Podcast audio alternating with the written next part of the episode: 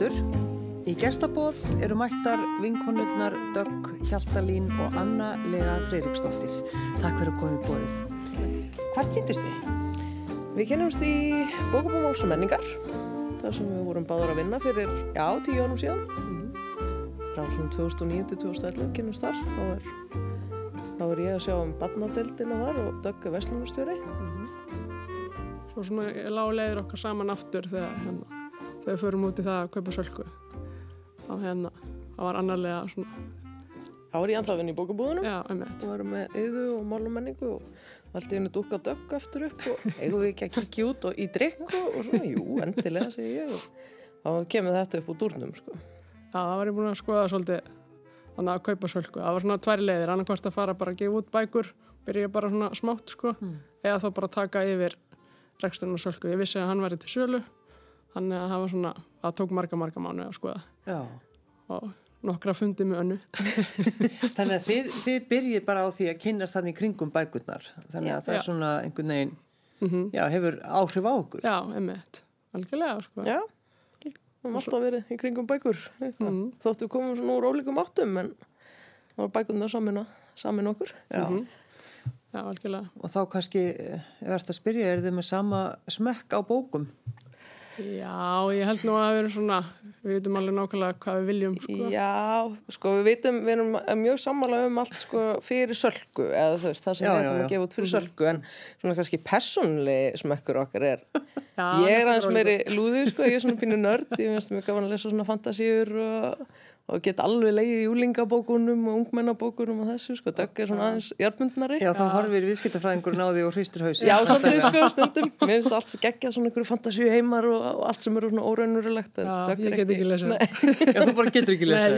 Nei. Hún er meira í æfisögunum og Ef það er eitthvað geimverur eða framtíð eða eitthvað, þá bara, þá slekk ég, sko. Já, en ég er sko mjög svona blessunlega s- tel ég sko, ég er svona pínu áhuguleg sem líf annara stundum, en ég les til dæmis ekki þetta finnst er mér ekki minn tepolli Dögg segir mig bara svona, það helsta sem hún kemst að í sínu lestri. Já. það er fínt. Þannig að Dögg, þú fer í viðskiptafræðina. Mm já, Af hverju fórstu í hana? mér finnst bara, mér finnst svo skemmtilegt það sem maður er að læra þar.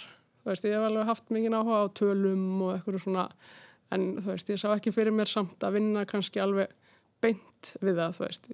Ég ætlaði aldrei að vinna í banka en svo vann ég í banka í eitt ára, en þú veist, það er svona einhvern veginn, þú veist, rekstra hlutin hefur alltaf heilað mig, sko. Og það er einhvern veginn, þú veist, að geta notað hann, þú veist, í samt mjög skemmtilegu starfi eins og bókaáðgáðan er, sko. Veist, mér finnst alveg gaman að gera bókald og eitthvað svona.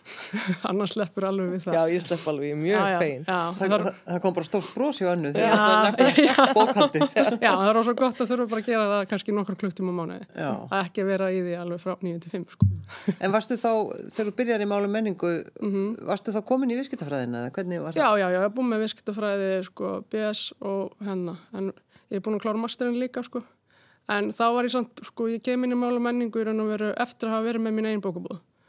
Hérna, ég Hvaða bókabúð var það? skuld, heit hún. Og það er hérna viskitabókabúð á lögaveinum. Þannig að ég raun og veru rann bókabúðin mín inn í mála menningu og ég fylgdi með.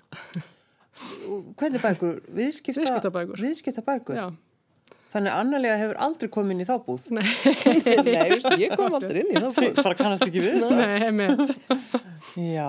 Mhm. Og hvað varst að gefa út marga bækur? Nei, ég var bara, ég var að selja bara. Þú varst að selja? Já, Já, já. þetta var þannig Já. bókabúð. Já. Þannig að hérna, og svo kláraði ég masterinn hann eitthvað 2014 og þá skrifaði ég hérna lokaritgerð um sem sagt bókabransan, bæði bóksölu og bókaútgáfi. Já. Og ein- var einhver niðurstöða? ég er í bókaútgáfi. Já.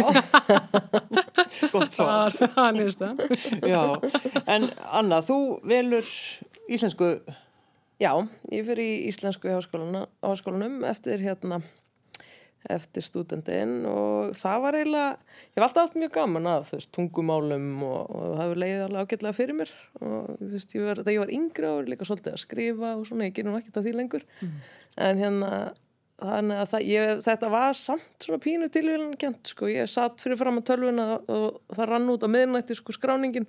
Og ég var svona pínu svona búin að fara með bendilinn svona á nokkra hluti en svo bara smelti ég bara í íslenskuna og ætlaði mér alltaf að bæta svo fjölmiðlafræði við, svo fannst mér bara svo gaman í íslenskuna, ég held bara áfram og og hérna fór í svo mestaranám í, íslenskum bókmöndum og tók þá leið.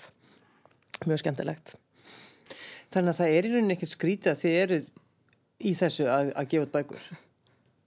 Nei, Það er, en þetta er, rosa, þetta er rosa góð blanda sko, að því að út af því við komum úr þá ólíkum áttum og Dögg hefur oft sko, svona einhverja aðra sín á hluti sem að getur verið mjög, mjög gott að koma með að borðinu sko, þú veist, að því bókaútgáfi eru, þú veist, flestir eru bara í þessu allæfi Veist, Þetta er starf sem er ofbáslega skemmtilegt og gefandi, þannig að fólk hættir voðalega sjaldan í þessu sko og er svona, kemur svona svolítið úr svona einni átt en svo kemur einhver svona hérna, viðskiptafræðingurinn að borðinu og þá fara alveg spennandi hlutir að gera sko.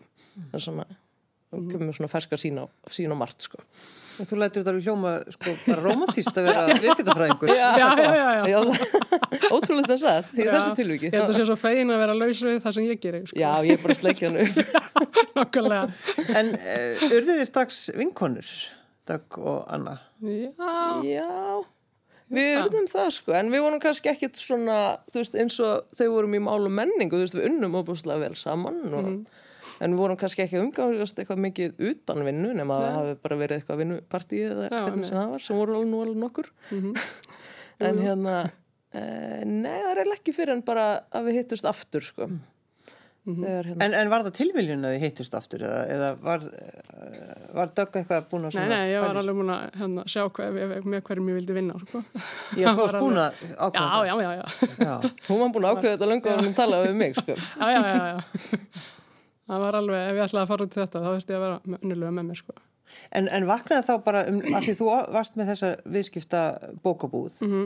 uh, var það þá sem bara, þá vaknaði einhvern veginn, já, þá bara komu nýjar hugmyndir og þú hugsaðir, já, viðskiptafræðingurinn, hann getur alveg farið gefa út bækur. Na, það var svona kannski aðeins setna, sko. Það var svona þurfti aðeins að melta þetta í lengri tíma, sko. Af því að það er ekki fyrir enn 2015 að þú veist, við erum hann að vinna saman eitthvað 2009-2011 og er Já. ekki fyrir 2015 sem fyrir út í bókaátgáfana, sko. Veist, þannig að það þurfti aðeins að finna kannski réttu leiðina hvernig verður best að gera þetta. Já, Og ég held að við höfum alveg bara verið Mhm. mjög hefnar með, með hvernig þetta endaði, sko.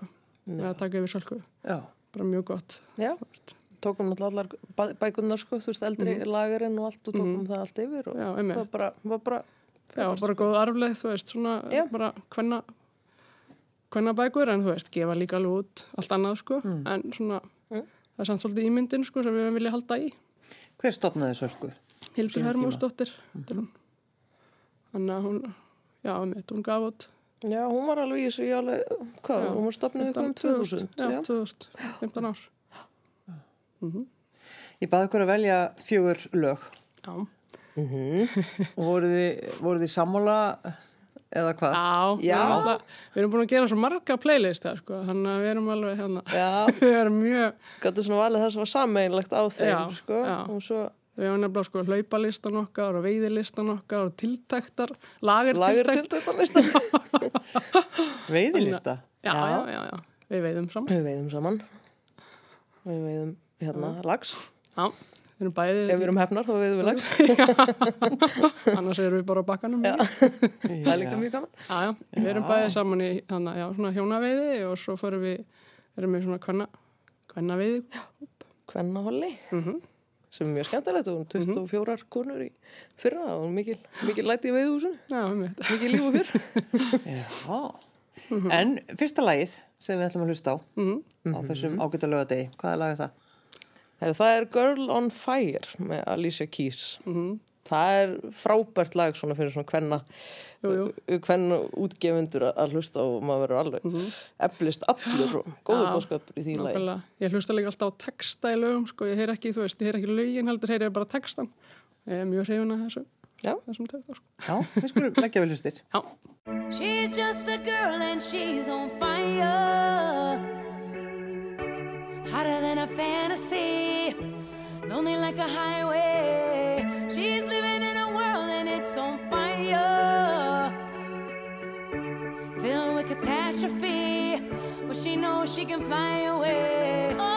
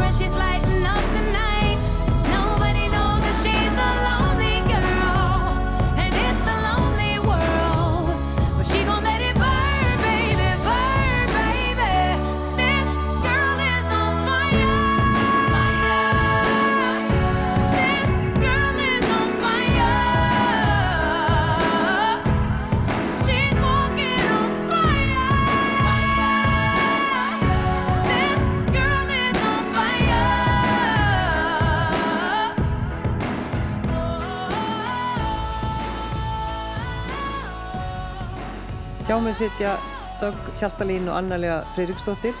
Þið nefnduð uh, að þið farið í veiði. Uh, Sko, þetta er svolítið skemmtilegt. Já, við erum í útgáfu og svo förum við á veiðum. Já, Finnst þetta æði? Já, já, enda gáðu út veiðibóki fyrir já, Já. gerðum það. Hvaða veiðbók var það? Undir sumarhimni, sögur af veiðiskap, hann Sölvi Björn Sigursson skrifaði. Mjög skemmtilega svona veiðisögur hérðan og þaðan og svona hugleðingar um veiði og þetta er náttúrulega svona, fyrir marga er þetta bara svona á við, í hugun að fara og veiða sko. Við tengi alveg klárlega við það sko, það er eitthvað, þú stendur á bakkanum, það er voðalega fátt annað sem skiptir máli ákveðat þá. Já. Og, Við erum líka að fara í veiði og vera að vinna sko, það er rosa gott að taka með sér handrit. já, Við erum með þess að ég og maður minn er að leiðutakar á Efri Haugadalsá og þá erum við svona sumabústæðar sem fylgir. Þannig að við hefum nýtt það að hérna, taka með okkur eitthvað handrit sem þarf að vinna í sko. Og því að við stýrum líka sjálfur. Þannig að þá hefur við tekið, þú veist, þá kannski fyrir við aðeins og veiðum og svo setjumst yfir handriti og svo fyrir við aftur aðeins út að veiða og aftur yfir handriti og það er rosa gott sko. já, Það er unnist mjög vel. Já. En er þið meðalveg sko, eh, sko, ykkar sín á bókaútgáfu? Eru þið alveg ákveðnar og eru þið alveg í takt Já, við erum bara með eitt mótó. Við vinnum bara með skemmtilegu fólki. Það er eina reglan sem Já, reglan. gildir hjá sörku og hún hefur gefist alveg svakalega vel. Það því að þá, og við sko, við erum ekki með, við erum alveg svo fjölbreyta bækur. Við gefum út, bara, þú veist, við gáum út bókum fjallvegarhlaup og, þú veist, umveiði og svo barnabækur og skáldsögur og, þú veist, bókum samningatækni. og- Já, en það er bara þessi regla, þú verður að vera skemmtilur. það bara verður allt svo miklu auðveldara og, En þá verður það að hafa sama smekk á fólki sem er, Já, það er alveg, það gengir mjög vel. Sko.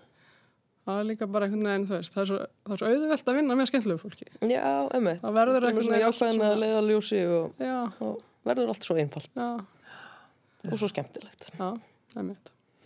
Þannig að þá verður vinnan einhvern veginn bara leikur. já, já. sem hún er mjög oft hjá okkur. Já, er þið, lítið á ykkur sko þannig, Dögg og Annalega, að þið séu í mjög auðveldu starfi? Ég myndi ekki segja auðveld, en það er ofbúslega skemmtilegt og fjölbreytt og, og það eru, það er ekki, þú veist, það er engin dagur eins. allavega. En menna það koma náttúrulega rosalegir álagspunktar inn á milli, Já, eins og þú veist, miður ágúst fram í bara, fram að 23. eða 24. desember er Já. bara kyrsla, sko. Það er, við erum svo sem vana því úr, úr bókabúðunum, svo sem líka, en hérna, þetta er svona aðeins öðruvísi, sko, þetta er svona, maður er svolítið stressaður og, og svona, og, en þetta er líka opuslega skemmtilegt, en svo aftur á móti kem, koma rólegri tímar inn á milli, sko. Og það var líka svo fjölbreytt, bara eins og emmi fyrir jólinn, þá erum við að dreifa og svo ertu, veist, erum við að vinna í markasmálanum og þú veist, svo hitta höfundana og þú veist, alls, allskinn svona, veist, þannig að dagurinn er kannski, þú veist, það er svo ótrúlega einhvern veginn fjölbreyttur, mann líður, mann líður allavega ekki eins og maður sé eitthvað, þú veist, þetta er aldrei neinn eða þú veist, þið líður ekkit eins og sért að fara í einhverja vinnu sem svona, eins og þú myndir skilgreina það samkvæmt einhverju orðabók, sko, þetta er svona já, þú veist, maður er alltaf til í þetta, en svo, svo líka, þú veist, svo er maður eiginlega svolítið í vinnu allan sólaringi, við erum alltaf bara tvær og reynum að sjá um allt sjálfar, allt frá því að mynda að keira bækur í, í búður og, og að, ég að reittstýra og, og hvað, hvað sem það er, sko. Já, já. og svo líka bara eitthvað, þú veist, erum við bara eins og vorum í gær, þú veist, vorum að hérna ferðum Suðurlandi og f- fylla á hérna veslaninnar og sjá svona hvað þurft að fylla á og svona og þú veist, þá er alltaf með bækur með okkur og erum að taka myndir af þeim úti, þú veist, í skógi og eitthvað, þú veist, út um allt. Fyrir sko. samfélagsmiðlana. Jú, jú, þannig að þú veist, maður er alltaf eitthvað að hugsa hvað get ekki nýtt, þú veist, þetta í og þannig að maður er alltaf með eitthvað með sér til að vinna, sko. Er, er steimpilklukka hjá Sölku? Nei, Nei. ég fæ alveg innilókan að þegar ég hugsa um stimpilklukku. Það er bara svona, Þetta er sko mannréttindabrót. já, já, ég veit það. Ég man að Dögg sagði eitthvað tíma við mig, þá var hún, hún fór eitthvað í heimsókn í Marel eða eitthvað svona stórt fyrirtæki og þá var svona fólk með svona, æ, þú veist, þurfti alltaf að skanna sig inn alls Já, það, já. svona spjaldum hálsin og hún kom tilbaka og hún var bara, að þetta er svo ræðilegt, ég get ekki, ég get ekki ég að kemd, sko. Ég, lappinni, ég hef alveg unnið í náttúrulega, þú veist, ég hef unnið í Íslandsbanka og Eimskip og eitthvað svona fyrirtækjum það sem er, jú, það er stimpil, eða svona að fylst með og þú veist, maður er með kortið sitt og eitthvað og það er alveg mjög skemmtilegt og það er allt öðruvísi, sko. En eftir svona smá tíma þá fær maður alveg bara að þurfa að gera eitthvað svona eins og eitthvað eins og allir hinnir. Þannig að þetta er kannski eitt skrítið að þið bara eruð að vinna hjá bara þið tvær saman. Já, svo, já, það hefur gengið alveg svakalega vel og ég sé ekkit, sé ekkit láta á því. Nei, nei, en við erum alltaf með, sko, við erum með opið hjá okkur í, þú veist, við erum með opnatíma okkur minnstu degi, sko, 1-4, þannig að við verðum að vera til staðar, sko, þú veist, að því fólk getur komið til okkar að vesla bækur Að þið eru með litla búð. sko. Já. Já, já, þannig að bara veist, með alltaf sama stað, allan lagarinn okkar og smá svona fundar aðstöðu og, og búlborð, mjög mikilvægt. Púlborð og veiði. stelpur. En svo, sko, svo er einmitt, svo er hluti að vinna okkar til dæmis, við gáum út bók um fjallvegarhlaup sem var opaslega skemmtilega eftir hann Stefán Gíslason. Og þá var til dæmis bara vinnudagurinn hjá okkur um daginn var bara að fara að hlaupa yfir skarsheiðaveg og það, það voru 21 kilometri í ykkur fjallahlaupi og það var bara vinnan þann daginn. Þannig að það var mjög góða dagur á skrifstofunni. Þannig að þið, þið voru að prófa bókina sem voru að gefa út. Já, við erum búin að fara í nokkur, nokkur Já, held með honum. komum við upp í fimm leiðir eða eitthvað, að 50, sko. Þannig að, já, já, Um síldamannagötur um daginn, Já, já. það mm svínarskar fyrir tömur árum og aukvöldalskar og eitthvað. Já.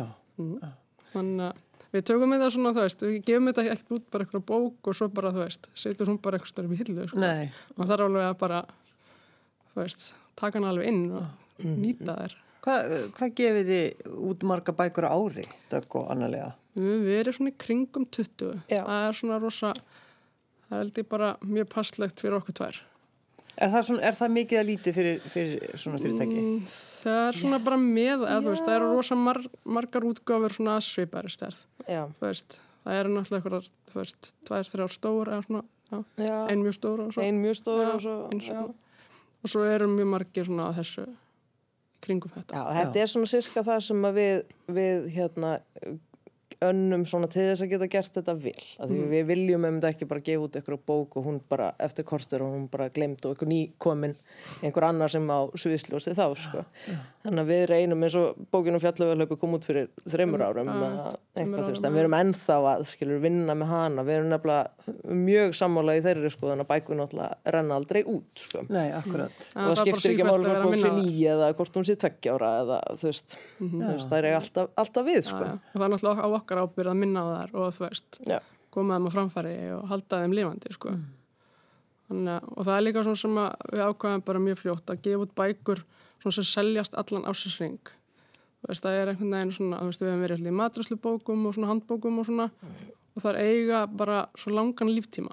Og það er svo gott, þú veist, þú kaupir alveg eins matröslubók í janúar, februar, eins og í, þú veist, desember, sko. Já, og barnabækunar Þannig að bækunar líka, já, finnst mjög gaman að sjá um þetta að barnabækur eru að taka mjög vel við sér. Ég held að fólk sé mjög meðvitað um mikilvægi lestur svo það er náttúrulega búið að vera svo svakalega mikið í umræðinni þannig að barnabækur eru að, eru að fara bara mjög fínt. Mjög skemmtilegt. Já, já, og við gefum út líka, þú veist, bara einmitt í, þú veist, mars, april, Já, já, þú veist, við erum að gefa út núna í júni og bara, þú veist, hvenna sem er, sko. Já. En uh, að því þið svona, þetta verðist vera einhvern veginn svona bara ykkar líf. Mm Salka er bara einhvern veginn ykkar líf. Jú, jú. En, þú veist, þið getið ekki alltaf verið bara saman og... Heyrðu, hvað, þú veist, hvað vittir sér í gangi? það er einu spurningin. sko mér, ég sko ég veit ekki, við gerum ótrúlega margt saman sko Já, nákvæmlega. Svo eru menninur okkar líka góðu vinnir sko, þannig að það náttúrulega er líka gaman. Mm já, já, og börnin. Og börnin, já, náttúrulega, já. Strákurinn minn, sérst, ég á bara einn, einn strák og hann er jafn gamall, sérst, mið dóttur. Dóttur minni, Já, einmitt. þannig að það er mjög gaman. Við, jú, veistu, við bara, við ferðum saman og við veiðum saman og við hlaupum saman og þú veist, og vinnum saman og já, já. við um hvert öðru í mat og þetta er svona, ég er að fara að kvíða Já, já. fyrir sumafríinu bara, ég fæ bara svona Já, það er við bara með fjölskyldunum minn allan tíman og Nei, einmitt. hitti dögg, ekki neitt, Já. það var aðgæðlegt. Þetta er svo rosalegt. Að vera með sínu fólki. Já, Einmitt. Mér við fyrir að bóka með svo svona, við bara, þú veist, svoðum í sama rúmi, já, já, já, getur þess að það gerir stundum. bara. Já, Bara. bara, já, við erum mjög, við gerum það nú í Texas og svo og, Já, já, og bara eitt rúm í herbygginu og komum, næja, það skiptir ekki öllu. og Ítalíu, undir sömu sæng. Já, alveg rétt. segja frá þessu Þetta er indislegt. Þetta, það, það kemur einhver góð sag út úr þessu. já, já, Já, það er einhverjir sem leggja við hlustir. Jú, jú, jú. En við ætlum að koma öllum lögunum að uh, næsta lag sem að þið Já. stelpur veljið. herðu, það er, það er sem við hlustum á í veiðinni í, sko, þegar kvennahorlið kemur saman hann í loka ágúst þá er þetta lag yðurlega sett á fónin og, þetta er svona fyrsta lagið. já, og það er lagið Endurfundir með uppliftingu. það er líka mjög skemmtilegt að hérna fórstjóri pennans. Ingimar, hann spilaði uppliftingu, sko, eða spilar. Þannig að við erum náttúrulega líka svolítið að vona að hann sé að hlusta við verðum svona uppáhalds bókaútgefundunar hans núna og fáum alltaf bestu framstýtningunni í öllum búðunum. Við skulum hlusta á þetta dásamlega lag.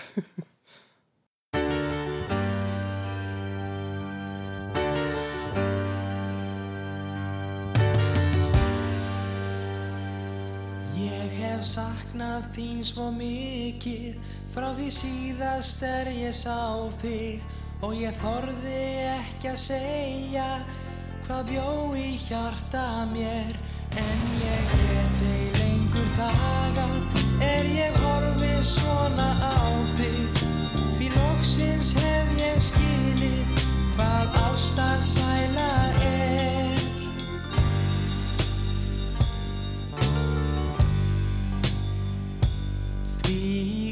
sinn er ég sé þig eins og byrti yfir öllu.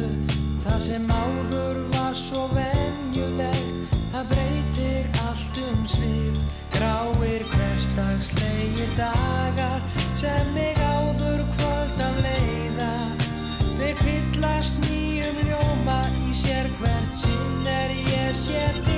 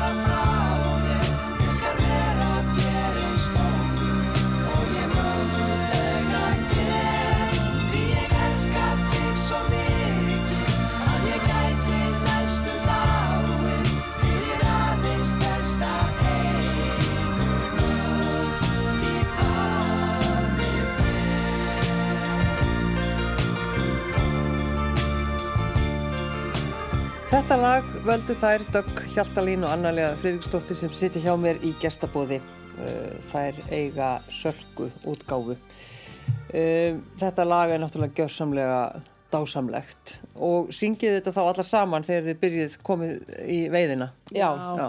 já, það er Það er svona venjulega. tilfinningaríkt. Já, mikið um faðmlög og þetta eru mjög góðir endurfundir af því að þetta eru, þetta er svo mikið rosalega frábærum konum, klárum og skemmtilegum og hérna alltaf mjög gaman að verja þessum tíma saman. Já. En þið nefnduð einmitt sko bókamessur. Þetta er eitthvað því, því, þetta er sem þið þurfið að, að að fara í. Já, við förum alltaf til London einu svona ári. Svo reynum við að gera alltaf eitthvað svona eitt nýtt á hverju ári. og hérna núna í ár fórum við hérna sem sagt til Bologna á barnabókamessu og það var svona þetta nýja og svo Mhm. fórum við að skoða um prentsmiði í Bosníu í kjálfarið Já, það sem og við prentum- mm já, það sem við prentum bækunar okkar hluta til. Og hérna þannig að það er svona Já, við höfum reynd sko að því að það eru náttúrulega, það eru fullt af þessu veist, við, okkur finnst tí, tímasetningin í London, hún er svona voru til, hendar okkur mjög vel, það er svona frekar rólegt hjá okkur, en svo er eins og þessi stærsta bókamessa sem er í Frankfurt, hún er, hún er bara svolítið svona óþægilegum tíma fyrir okkur, hún er í oktober, hún er í lok oktober og þá er bara svo mikið að gera hjá okkur, að við veist, getum ekkert með góðu móti farið bara í nokkra daga í burtu, sko. En hérna, En þannig að það er engi, þið er ekki með neitt sko sem getur leist ykkur af. Jó, við höfum verið með svona, já, bara svona, ég vona Kristínu nönnu, já, emitt, hún hefur, hún hefur leist okkur. af svona, en bara inn með eitthvað, þú veist, að fá daga emitt eða fyrir bókamess og eitthvað svo leiðis. En hún bara, hún tekur inn og verið svo vakt þannig að þú veist að ég talaði um að búin verið opinn. Já, Þú veist, akkurat. þannig að hún leysir okkur af þar já, og þú veist, þú dreifir aðeins og eitthvað svo leiðis, sko.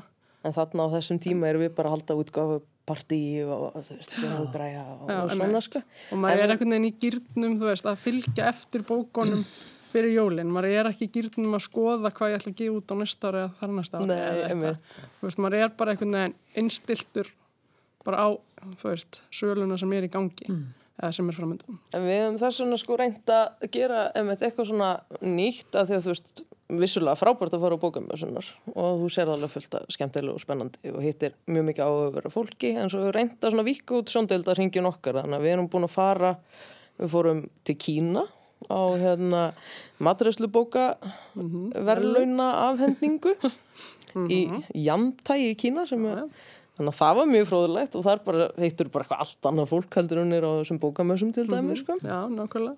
Og Þar fengum við velun. Já, fengum verðlaun. Eldum Fórum í helgaferð til Kína. Ég gerði barnabók nefnilega Nákvæmlega. og þá fengum við velun, sko. Þannig að það var rosa gaman. Mikil aðtöfn og serimónia. Og svo fórum við árið Gerðið þú þá Já, bók, já. Já, ég gerði það bók. Það er hvað, hva, segju Eldum sjálf, svona maturslubók fyrir börn svona fjóra til tíu ára. Já, Þannig að hérna, Mjög vinsal á mínu heimili. mm já, hún er svona, að því hún er með mynd, þú veist, skref fyrir skref, sko. já. Þannig að börnin geta, þú veist, gert þetta sjálf. Hvernig var að fara til Kínu og fá velun? Það var rosa gaman. Það var mjög skemmtilegt. já, Það var mjög áhugaverð. Að þetta er nefnilega svolítið, sko, þú veist, við náttúrulega gefum út mikið af maturslubókum. Og maturslubókunar fá svona, kannski ekki alveg sinn sess, þú veist, í öllum þessum velunafhendingum. Þannig að, þú veist, það er alltaf verið að veluna fyrir bókmyndir, en það er ekkert verið að veluna fyrir maturslubókur.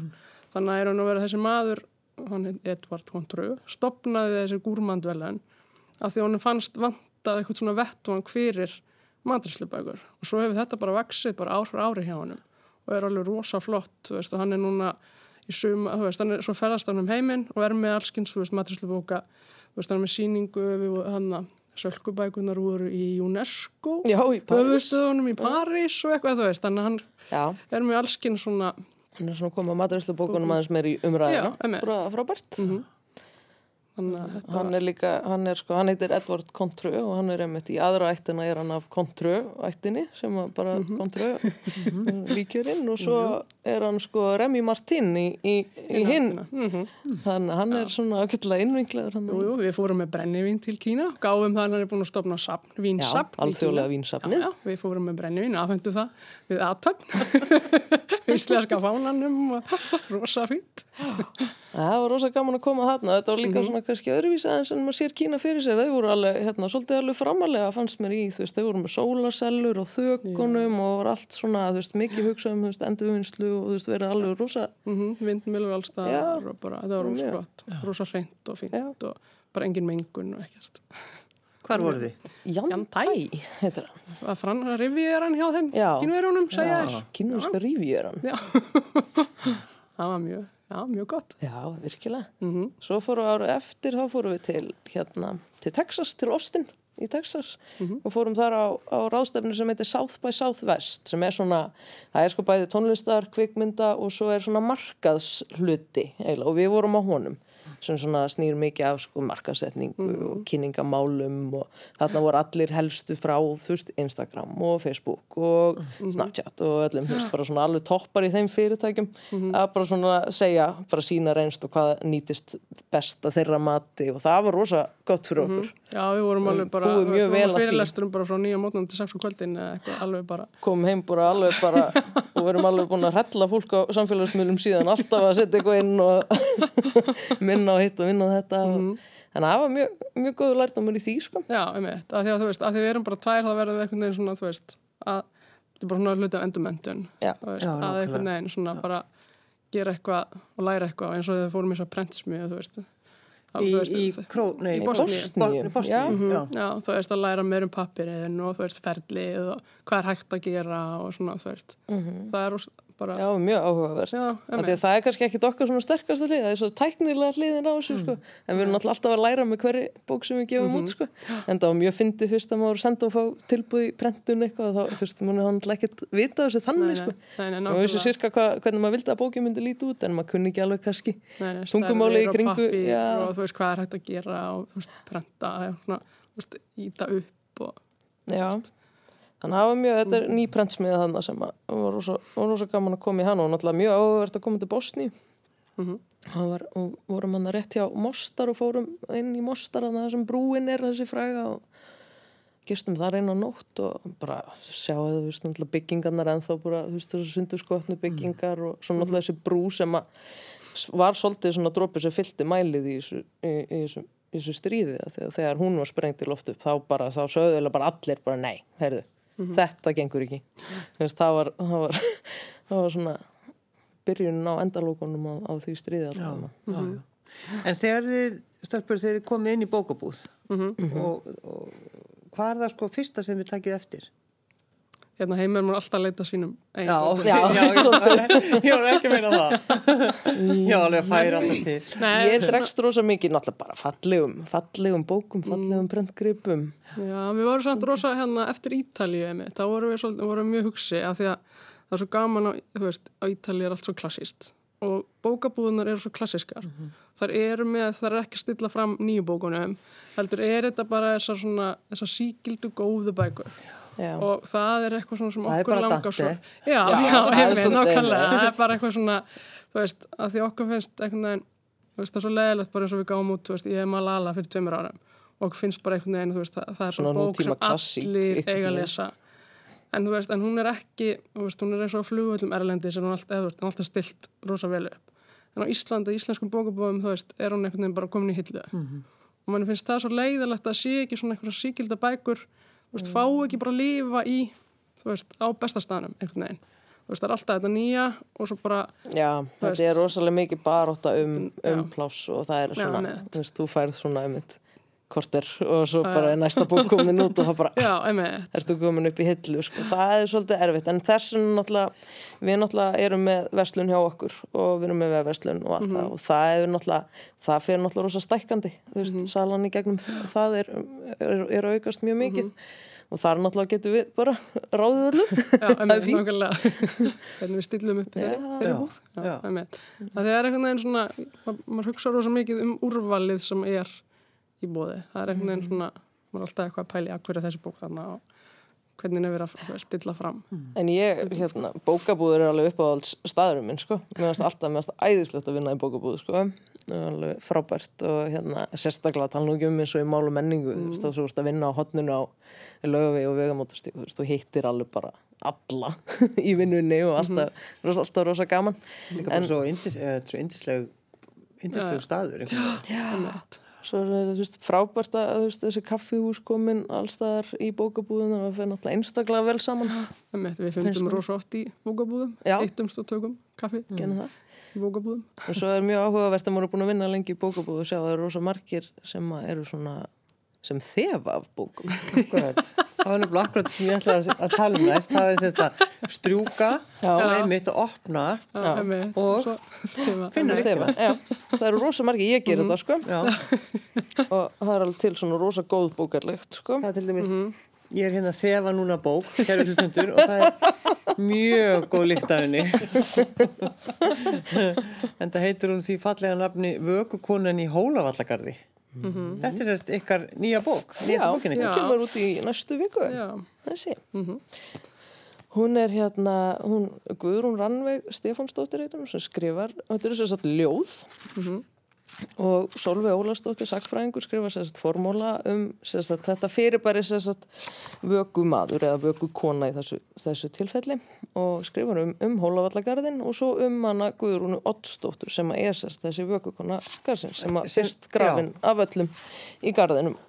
Þannig að hennar hlutverk sem vökukona er að að að vaka yfir öllum hinnum sem er, svo eru grafnir í garðinum. Já, og, svo- og svo uh, náttúrulega átti aldrei að rotna, var ekki. Svo hún þarf að bara, hún Já, þarf að taka á fær móti ekki sína Hún fær ekki hinstu hvíldina, hvílu. nei. Brjálað að gera hjá henni. Já, Já, á meðan það er ennþá verið að jarða í garðinum, þá þarf hún að, og hérna, þarf hún að vaka yfir sálum allra. Og hún hérna, það var náttúrulega, það var líka, þú veist, það var, fólk vildi ekki láta grafa ástunni sína nálagt gröf sko vökumannsins af því að það var svo lítil, lítil hérna uh, grafar friður eða svona þar í kringa því að hann alltaf alltaf á ferli.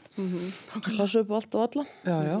Þannig að þetta eru óbúslega fallið ljóð og þetta er náttúrulega um hana sem sagt Guðrún Oddsdóttur sem að fyrst þarna í grafin og svo um aðra konur í garðinum líka. Það er náttúrulega mjög áhugavert að ganga um garðin og sjá hafa bara einhver hérna Brynjólfur Bjarnason eitthvað kaupmaður og hans frú. Já. Eða skilur, það er vantar svolítið oft og þann, þarna er sko hún Guðrún Rannveig fór sem er að skrifa ljóðin, hún fór í hérna í, í reitlist upp í háskóla hún er kennari í Vestlunarskólanum og fór í reitlist upp í háskóla og hérna og fekk þar Sigur Pálsson heitin sem, sem leiðbennenda og þetta er eiginlega ljóðabálkurinn er hérna svona loka verkefni hennar þar og sem að hún fekk náttúrulega alveg hæstu einhvern og bestu meðmæli frá Sigurið heitnum fyrir Þannig að það er skemmtilegt að hann hafi komið að þessu, hann var náttúrulega, við þekktum hann náttúrulega vel sérstaklega á, á máls og menningar árónum, sko, Já, hann var einmitt. að koma hverjum degi. Já, Já. Og, Hún neyði ykkur ekki. jú, alveg indislegur, hann og náttúrulega Þorstedt frá Hamri og annars svona, Já, alveg indislegur. kom alltaf. Já, Svo er það hérna ljóð sem að eru sko kona hans eitt, kona hans tvö Já, Já. einmitt. og kona hans þrjú.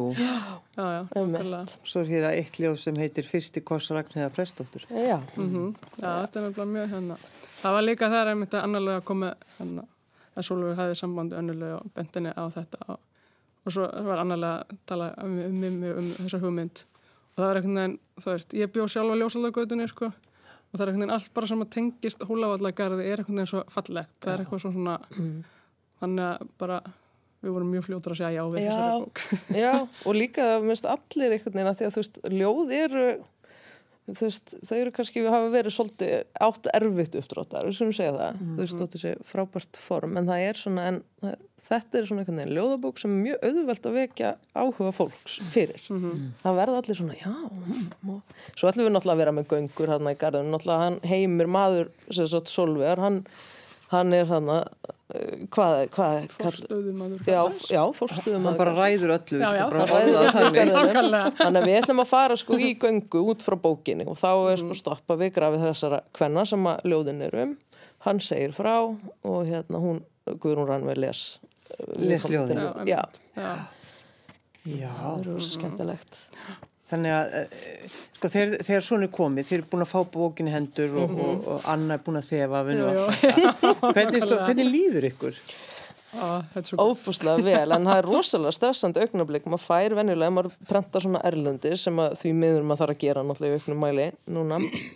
Þá hérna, þá kemur þetta, koma alltaf kannski þrjú eintök í svona með DHL eitthvað, svo siglir hitt bara svona í róla hittum yfir hafu og þetta augnablík þú ert að opna sko DHL Ég tek oftast vídeo, Já, og ég er bara að loku augun og bara að því maður svo hrættur um eitthvað hafi farið úrskeiðis og, og, og svona. En svo þegar maður náttúrulega frábær tilfinning eins og þegar maður fær svona fallegan grip í Já, henduna maður langar alveg bara til að vera með hann alltaf í hendinni. Já, Það kemur ný bók. og með þú strúkinni Já, og þú já, að já, strúkinni já, mjög já, mikið veit það.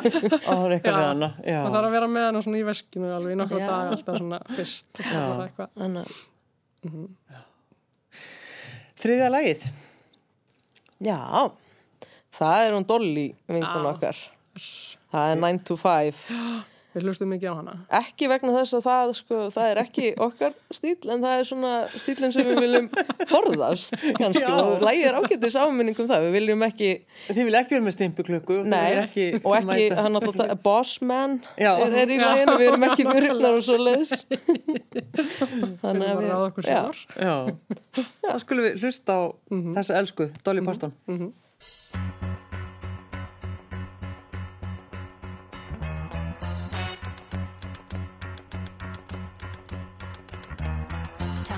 bed and I stumble to the kitchen. Pour myself a cup of ambition and yawn and stretch and try to come to life. Jump in the shower and the blood starts pumping. Out on the streets, the traffic starts jumping with folks like me on the job from nine to five. Working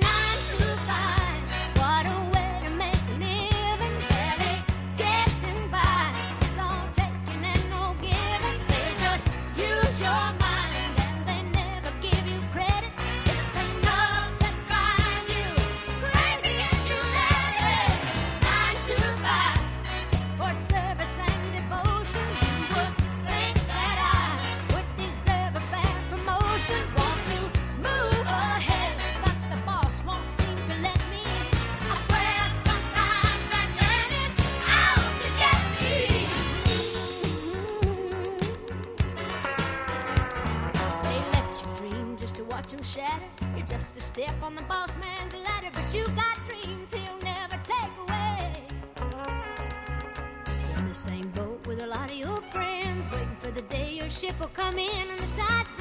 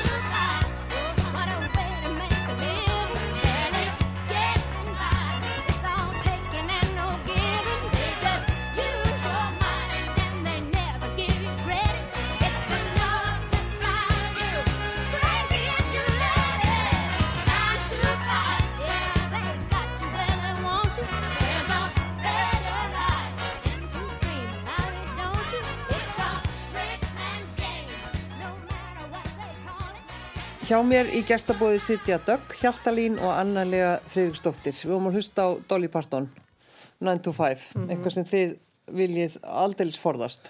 Já. Já. Það er svona, Ég, við erum frekar svona vinnum bara á öllum tímum já, emmitt, bara þegar maður er vakandi. Já. það er bara svo leiðis. Já. En er það sko einhverjum tímapunkti, sko, þið, þið byrjið tu- 2015. Hafið einhver tíma rifist? Nei, Nei, við höfum bara aldrei Ég byrði, þá verðum við bara eiginlega að spyrja hvernig, sko, bara hvernig virkar þetta, hvernig gengur þetta? Hvernig við erum gengur bara svo ykkar? sammála.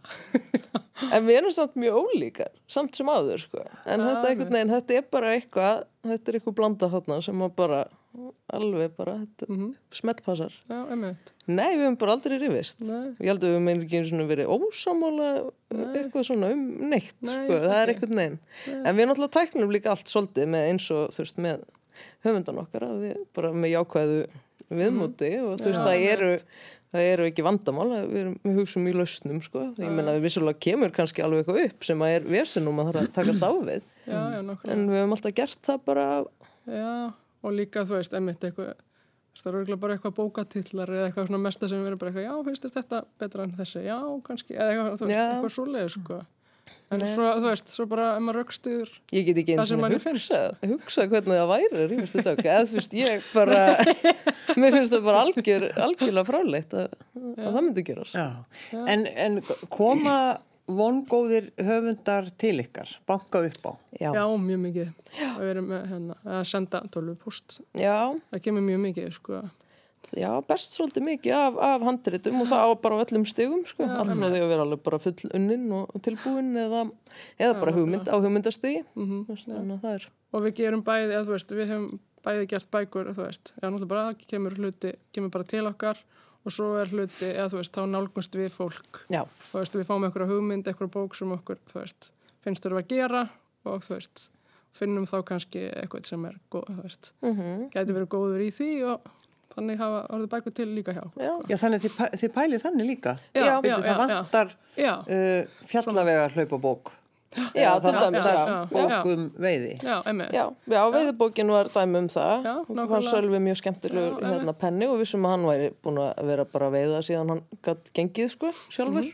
Emmi. og hérna þannig að við fengum við, það var eiginlega svona kveikjana að því. Við nálgumst hann með það og eins, Kvængera krafsendan og Guðrunusólu. já og veist, kom hann svona- vegan maturíslubók, íslenska vegan maturíslubók þannig að og okkur Til við nálgumst hana og svona, já, fleiri. Já, við erum að fara að gefa út með Pálmari Ragnarsinni þú veist, hann er rosa flottu fyrirlesari. Þú veist, þannig að við svona já, um jákvæð samskipti. Já, emmi Já, þið þurfum aldrei að lesa hana. jú, jú, hann, eh, já, þannig að það er alls einn svona bækur bara sem að við höfum þú veist, haft sambandi fólk Já. og við Já. En svo vorum við að gefa út núna bók sem að, hérna, sem að kom bara til okkur eftir þessum hefðbundulegum sem er Röskun eftir Íris Ösp Ingjaldsdóttur og hún bara kom bara á bara handritattsalka.is sko, þannig að hún er alveg stórkostleg sko, frábærlega skrifið hjá henni þannig að kom alveg gullmólar þar. Já, já. já, nákvæmlega Svo var mjög fyndið að það var núna með hækkandi sól og í þessu góða veðri sem búið að vera þá er eins og það kviknar líf bara í öllu, ekki bara í gróður og svona en líka á fólki, það bara fylltist hjá okkur tölvu, mm -hmm. þennan pósthólfið allir með hugmyndabók og allir. Það er sko, við erum svo þakklátt Íslendingar þessi gott veður að þannig að, að, að við bara opnum fyrir Já. Já, alla sköpun. algjörlega, Algjörlega. Og það kemur svona, já, það kemur rosi bylgjum. Það er eins og svona, það gerist eitthvað þú veist, ég veit ekki alveg hvað það er sko. Nú er svo mikið kallmann sem sendur núna síðast, það er venjulega öfugt sko, það er venjulega nákvæmlega. konur. En hérna, já, Einmitt. já. Nei, ég menna, veist, við veðrið náttúrulega alveg já, já, hefur mjög mikil ári líka okkur. Við urðum mjög bráðnöðsilega í gær sko að fara í söluferð um Suðurlandi af því að við vissum að Það var um 20 já, stiga hiti. og svo gistu við bara á hellu. Og voru sko 22 stegi hitti í gerkvöldi og við vorum bara út að grilla og, og lesa handrit. Lesa Já, handrit. Já. og, Já, já. og, og svo í sama rúmi. Nei, það var sikkert, þetta var ótrúlega mikið lúksus Innilega til hamingu. River Cottages, þetta var svakar fín já, já, já, við tókum nokkur handrið í gerkvöldi sko. Já, já, já. En uh, er það mikilvægt fyrir ykkur einmitt að vera í svona sko skapandi, þessu skapandi ferli og þið verðist einhvern veginn vera endalust í því. já, Já, það er rosa mikilvægt, sko. Það er eins og, þú veist, ég finn alveg, ég, þú veist, gerir bókald einhvern morguninn og svo bara, ah, þú veist, Já. ég get ekki meira. bara, þú veist, maður situr við tölvuna og eitthvað, eitthvað Excel, skilju og eitthvað, þú veist. Já, þá segir Anna við þig, lestu bara fantasíubók. Já, nákvæmlega. Og þá horfur þú bara á hana með einmitt. Jú, þetta, það minnst það rosa mikilvægt og líka Já. bara skapandi veist bæði með bækurnar og hvernig það er að vera og líta út og svo bara í skapandi markasetninga líka mm áhugaverð. Já, þú veist að reyna eitthvað nýtt og þú veist það er náttúrulega erfitt að ná aðtekli fólks og þú veist maður þarf að svona, hugsa í einhverju nýjum leiðum Já, eins og að le- leggja það á sig að hlaupa hálmarathon á fjalli bara til þess að geta tekið hennar mynd fyrir miðlana. Já, ég myndi segja að þið væri svolítið að leggja mikið á okkur. Já, já, já, en það er það svona svo virkar alveg skemmtilegt, sko. og rosa svölu kipur í fjallveðarlaupinu í kjálfarið þetta Já, já, já, rockselst. Það er rosa gaman eins og einmitt markansmál, en við erum með alveg, þú veist, við erum alveg með fastan fundatíma einu sinni í viku sem erum bara markansmál og þá, þú veist, leggjum við línunar alveg fyrir vikuna. Já. Þú veist, þannig að við erum, þú veist, þótt að við, þú veist, tölum og við erum vera rosa, svona, þú veist, óskiplegar, þá erum við samt mjög skiplegar, held Já, ég. það er alveg Excel skjál með markasplani. Já, já, já, já, það er alveg, alveg dagsett. Já, alveg dagsett og svona markmið og allt, sko. Þetta er alveg allt í skjálunum, sko. Já, og þú veist, þá gerum við, vinnum við vikuna þú veist, skipulegjum það þú veist, hvað við ætlum að gera þannig að það er svona þú veist, þótt að virðist einhvern veginn óskipulagt þá erum við já, alveg, og handreit er alveg klukkan eitt á 50 dögum, þú veist, fyrir við um yfir handreit og við erum alveg með svona Já, strúttur, já, sko já, já, við erum með smá strúttur. En finnst ykkur erfitt að að neyta fólki? Nei, það er sko, þú veist, eins og í bókabransanum, það er einhvern veginn, það er miklu betra að segja nei við fólk bara strax á hugmyndastíði Já. heldur en að fara, þú veist, út í það að, þú veist, halda, að, þú veist, gefa út eitthvað sem er ekki gott, selst illa, veist, það er einhvern veginn, þá, þá er svo mikil vombriði, sko. Þannig að miklu betra að segja nei strax, heldur en að fara með viðkomandi gegnum eitthvað ferli sem verða svo vombriði. Mhm. Þú veist, þannig að mér finnst ekki, nei, ég, Nei, okkur hefur bara, já, já, einmitt, það er bara betra. er líka sem við kannski segjum nei við er, ekkert endilega ykkur, ykkur galin hugmynd og, og geti Nei. henda einhverjum öðrum útgefanda betur en heldur en okkur, sko. Já, En við erum svona, við erum mjög lítið hrifnar að láta sko bækunar okkar vera í samkeppni hverja við aðra, eða þú veist. Já. Þannig eins og við gefum út grimma núna eftir nýjan íslenskan höfund, veist, við myndum ekki gefa út annan bara í sama við. Nei, Þú veist, nei, við viljum, veist, viljum ekki að bækunar keppi hver, hver við aðra Nei, hjá nei. okkur, sko. Nei, nei, nákvæmlega. Og viljum að hver fái svona sitt pláss og sína aðtekli sem hann skilið og, og svona. En sjáu ykkur sko stækka eitthvað meira? Nú er það 20 titlar á ári. Við erum sko, við, við vorum að ræða þetta um daginn, við erum náttúrulega mjög hrættar við ef við þurfum að, að ráða til dæmis annan starfsmanna því þá, það verður, ro- það er því rosalega skrítið. Já, en svo líka náttúrulega, þú veist, við erum náttúrulega með verktaka í rosamörgu, Já. sko. Þannig að, þú veist, maður sæði fyrir sér kannski, þú veist, leta undir einhverju, einhver staðar í einhverju ákveðinu verkefni, en þú veist, við þurfum ekki endilega að bæta við, þú veist, Okkur sko. nei. Nei, þannig að það er raun og veru, þú veist, það er svona gengur vel hjá okkur að því við erum bara tvær. Þú veist, og við getum, ef það er mikið að gera, þú veist, þá fáum við bara einhvern inn til að, veist, hjálpa til Já, í því sem að, þú veist, er hægt að, Já, þú veist, gera, sko. og stundum líka, þú veist, við höfum fengið líka reitt stjóra, þú veist, utan að Já, koma já. þetta því að, þú veist, þótt að við náttúrulega þykjumst náttúrulega að vita og kunna allt, en þá er kannski, þú veist, eru náttúrulega aðrir kannski betur til þess fallnir í einhverjum ég segi Já, það já, ekki, þannig að þá gerum við það og það er, Já, já, við höfum fengið, þú veist, aðstóð í, inn á þessu, sko. já, já, það er eitthvað sem þarf að gera, sko. Ég vissi það nú alveg, Dag Hjaltalín og Annarlega Fríðsdóttir að þið væruð uh, sko vinkonur. En svona og í rauninni líka þið eru sko með sama fatastílin þið er eins kjóla. Já, já, já, já, og alveg óvart, sko, planað, sko, við hefum eins, Nákvæmlega. já, já, við hefum, tvo eins kjóla held ég og Já, eins blússu. Og svo keftum við okkur eins sundföt um daginn. Alveg bikini. og Dögg sko var að reyna að velja það sem hún held að ég hefði ekki valið. Og ég var eiginlega að hugsa það sama. Eitthvað, nei hún velur örglega ekki þetta. Ég kaupi það. Og svo hittust við eitthvað í sundi, við gerum það stundum. Við tökumst þetta fund í heitapottunum Já, því að við erum hérna það það er hægt að ræða bækur allstaðar Mhm. og þá mættum við náttúrulega eins bikini og við fínar. Já, já, jú, jú. Við hefum líka eins síma og eins úr og svona. eins bíl. Þið eru sko, já eins bíl. já, já. Nema hennar er sko, la- kannski sést ítla í útvarpinu, dökkar, dökkar og ég er ljósar og hennar bíl Já, er svartur og minn er svona kampavinslitaður, kýsi ég að kalla hennar en, en smekkur ykkur á kallmunum Já, þeir eru báðir ágættir þessi menn já, okkar emmitt. en þeir eru mjög ólíkir. Já, mjög svo. En En veiða svo. já, þeir veiða báðir já, Jú, jú. við fáum að koma með En ef það. það besta er að dóttir mín sem er þryggjára, sko, hún, hún lítur út alveg eins og Anna. það er svo, svo, svo rang maður. sko, náttúrulega báðar sérst yngri dætur en dagar hafa alist upp í kringum mig, að því að Mhm. við vorum í málumenningu þegar Freyja fæðist og þar var hún alltaf í vagninum sofandi og svo hún Rán, hún er bara búin að alast upp í sölku Mhm. og hún saði Anna áður en hún saði pappi til dæmis og hún er sko, það er mjög fyndið því hún er svona ljósar og svo hún er með svona topp og, og svona stór augu og, og svona mjög sætt eins og ég. Og hérna og alltaf að fólk kom í sölku nei, hvað, æ, og alltaf spyrði það mig Já. hvað er hún gömul og hvað heitir hún? Alltaf, hún heitir Rán. Og ég á hana hún er tíu mánuða eitthvað, það er bara Já, þetta er eitthvað svona, það eitthvað smitast yfir. Já. þetta hefur allt átt að gerast er Já, það já, ekki? já, jú, jú, jú, já. jú, algjörlega. Loka lagið hvaða lag er það? já, herru, það völdum við þegar við sátum í kvöldsólinu á, Já, á já, hellu í gær áruðum sandi. áriðum sandi með ilju það er svona ferðalægið og það er náttúrulega Já, svona, það er bara Íslands sumar alveg í, já, í hnótskurt úti. Já. Það er alveg svona já, Við verðum úti í allt sumar. Fallegt. já, að hlaupa, eða veiða. aðeins eitt, ég ætla aðtóa hvort þið séu alveg sko algjör að samlokur uh er þið með sama matarsmekk? Já, Já, svona, já, þú ert með alveg svona, þú borðar aðeins meira svo stert.